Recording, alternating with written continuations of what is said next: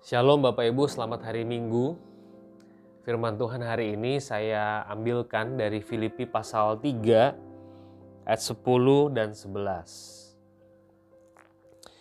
Yang ku kehendaki ialah mengenal dia dan kuasa kebangkitannya dan persekutuan dalam penderitaannya, di mana aku menjadi serupa dengan dia dalam kematiannya, supaya aku akhirnya beroleh kebangkitan dari antara orang mati. Yang ku kehendaki ialah mengenal dia dan kuasa kebangkitannya. Yang ku kehendaki ialah mengenal Allah. Saudara ketika saya merenungkan Filipi pasal 3 ini saya juga lagi merenungkan seorang tokoh misi yang namanya Jim Yos.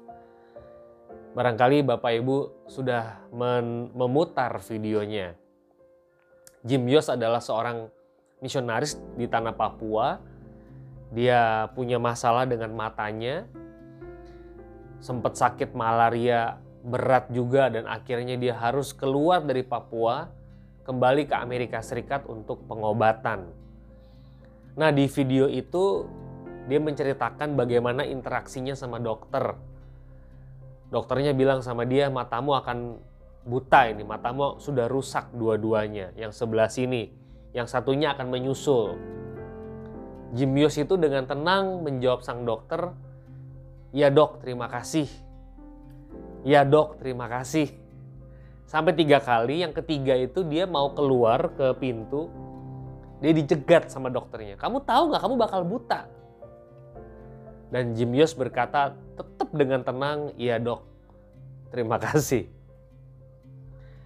Nah saudara-saudara, video seperti ini lumayan viral lalu kemudian di dipertentangkan dengan uh, video pendeta lain yang pro sekali dengan kesehatan dan kemakmuran.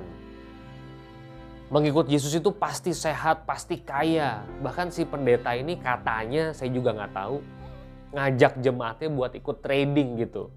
Supaya cepet kaya itu. Jadi saudara-saudara ada kesan buat saya seolah-olah orang itu pro kepada Jim Yos. Ayo ikut dalam penderitaan. Saudara perhatikan Jim Yos di awal videonya itu dia mengatakan ini pengalaman saya ya, saya nggak ngomongin orang lain. Ini sih bagaimana saya dan Tuhan. Mana lebih baik saudara, menderita atau kaya? E, miskin atau kaya? Sakit apa sehat? Saudara kalau kita membaca Filipi 3 ayat 12, uh, sorry ayat 10 dan 11 yang yang Paulus kehendaki itu adalah mengenal Allah. Garis bawahi di situ. Dan kalau mengenal Allah itu, kalau kita mengenal Yesus itu, Yesus itu mati, bangkit gitu.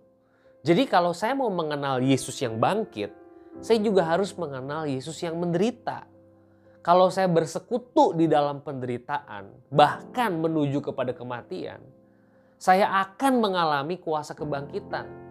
Gak ada tuh kuasa kebangkitan tanpa penderitaan atau kematian. Jadi gimana nih?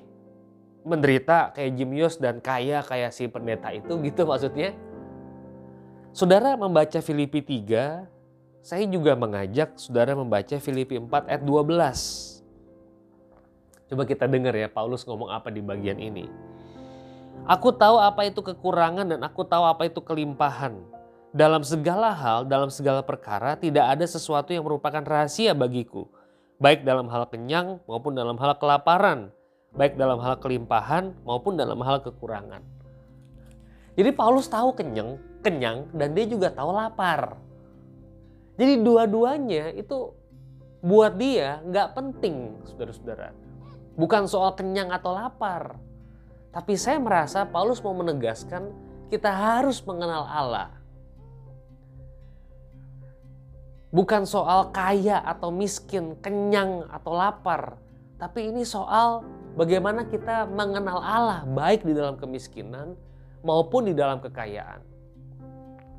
Saudara kalau kita baca doanya Agur yang terkenal itu, Agur bilang, Tuhan jangan berikan kepadaku kemiskinan. Kalau aku miskin, aku lupa sama Allah. Sorry, kalau aku miskin, aku mencuri. Tidak memuliakan Allah. kalau aku kaya, aku lupa sama Allah. Paulus waktu kenyang, dia inget gak sama Allah? Ayo Bapak Ibu. Paulus waktu dia kenyang nih, dia dia bilang, aku tahu kelimpahan itu kayak apa. Aku pernah kenyang.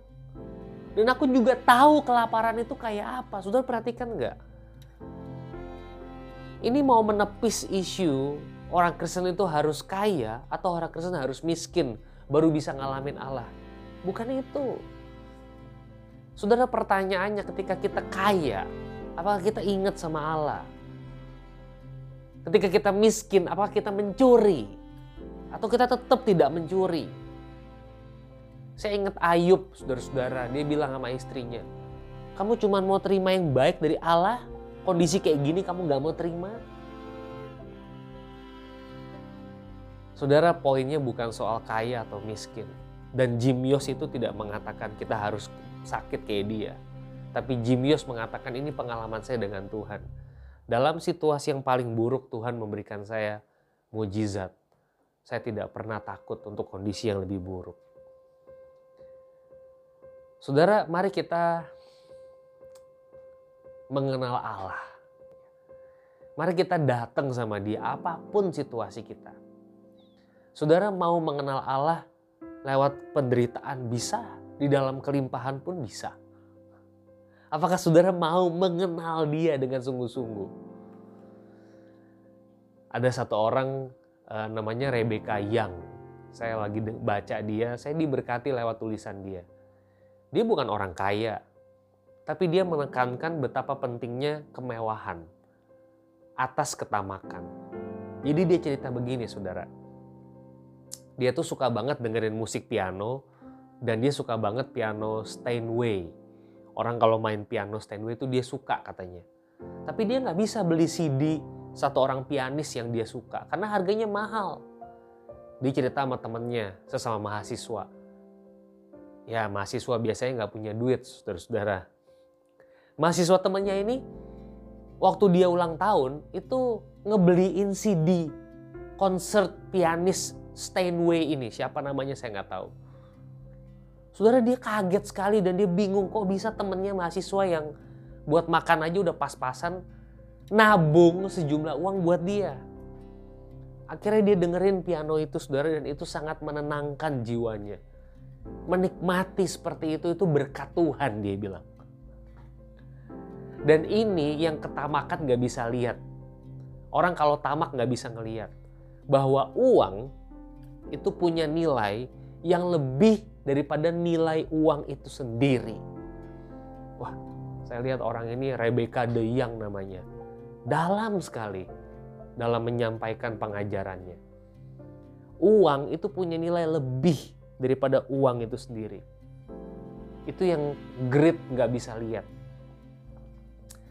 Jadi saudara-saudara, saya tidak ingin mengajak saudara memihak ke kekayaan atau ke kemiskinan.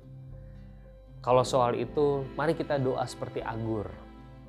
Bukan kekayaan, bukan kemiskinan. Tapi saya mengajak saudara-saudara, apa pun situasi kita hari ini, kita harus berusaha untuk mengenal Allah. Jangan pernah lupa yang memberikan saudara berkat, sehingga saudara bisa kelimpahan.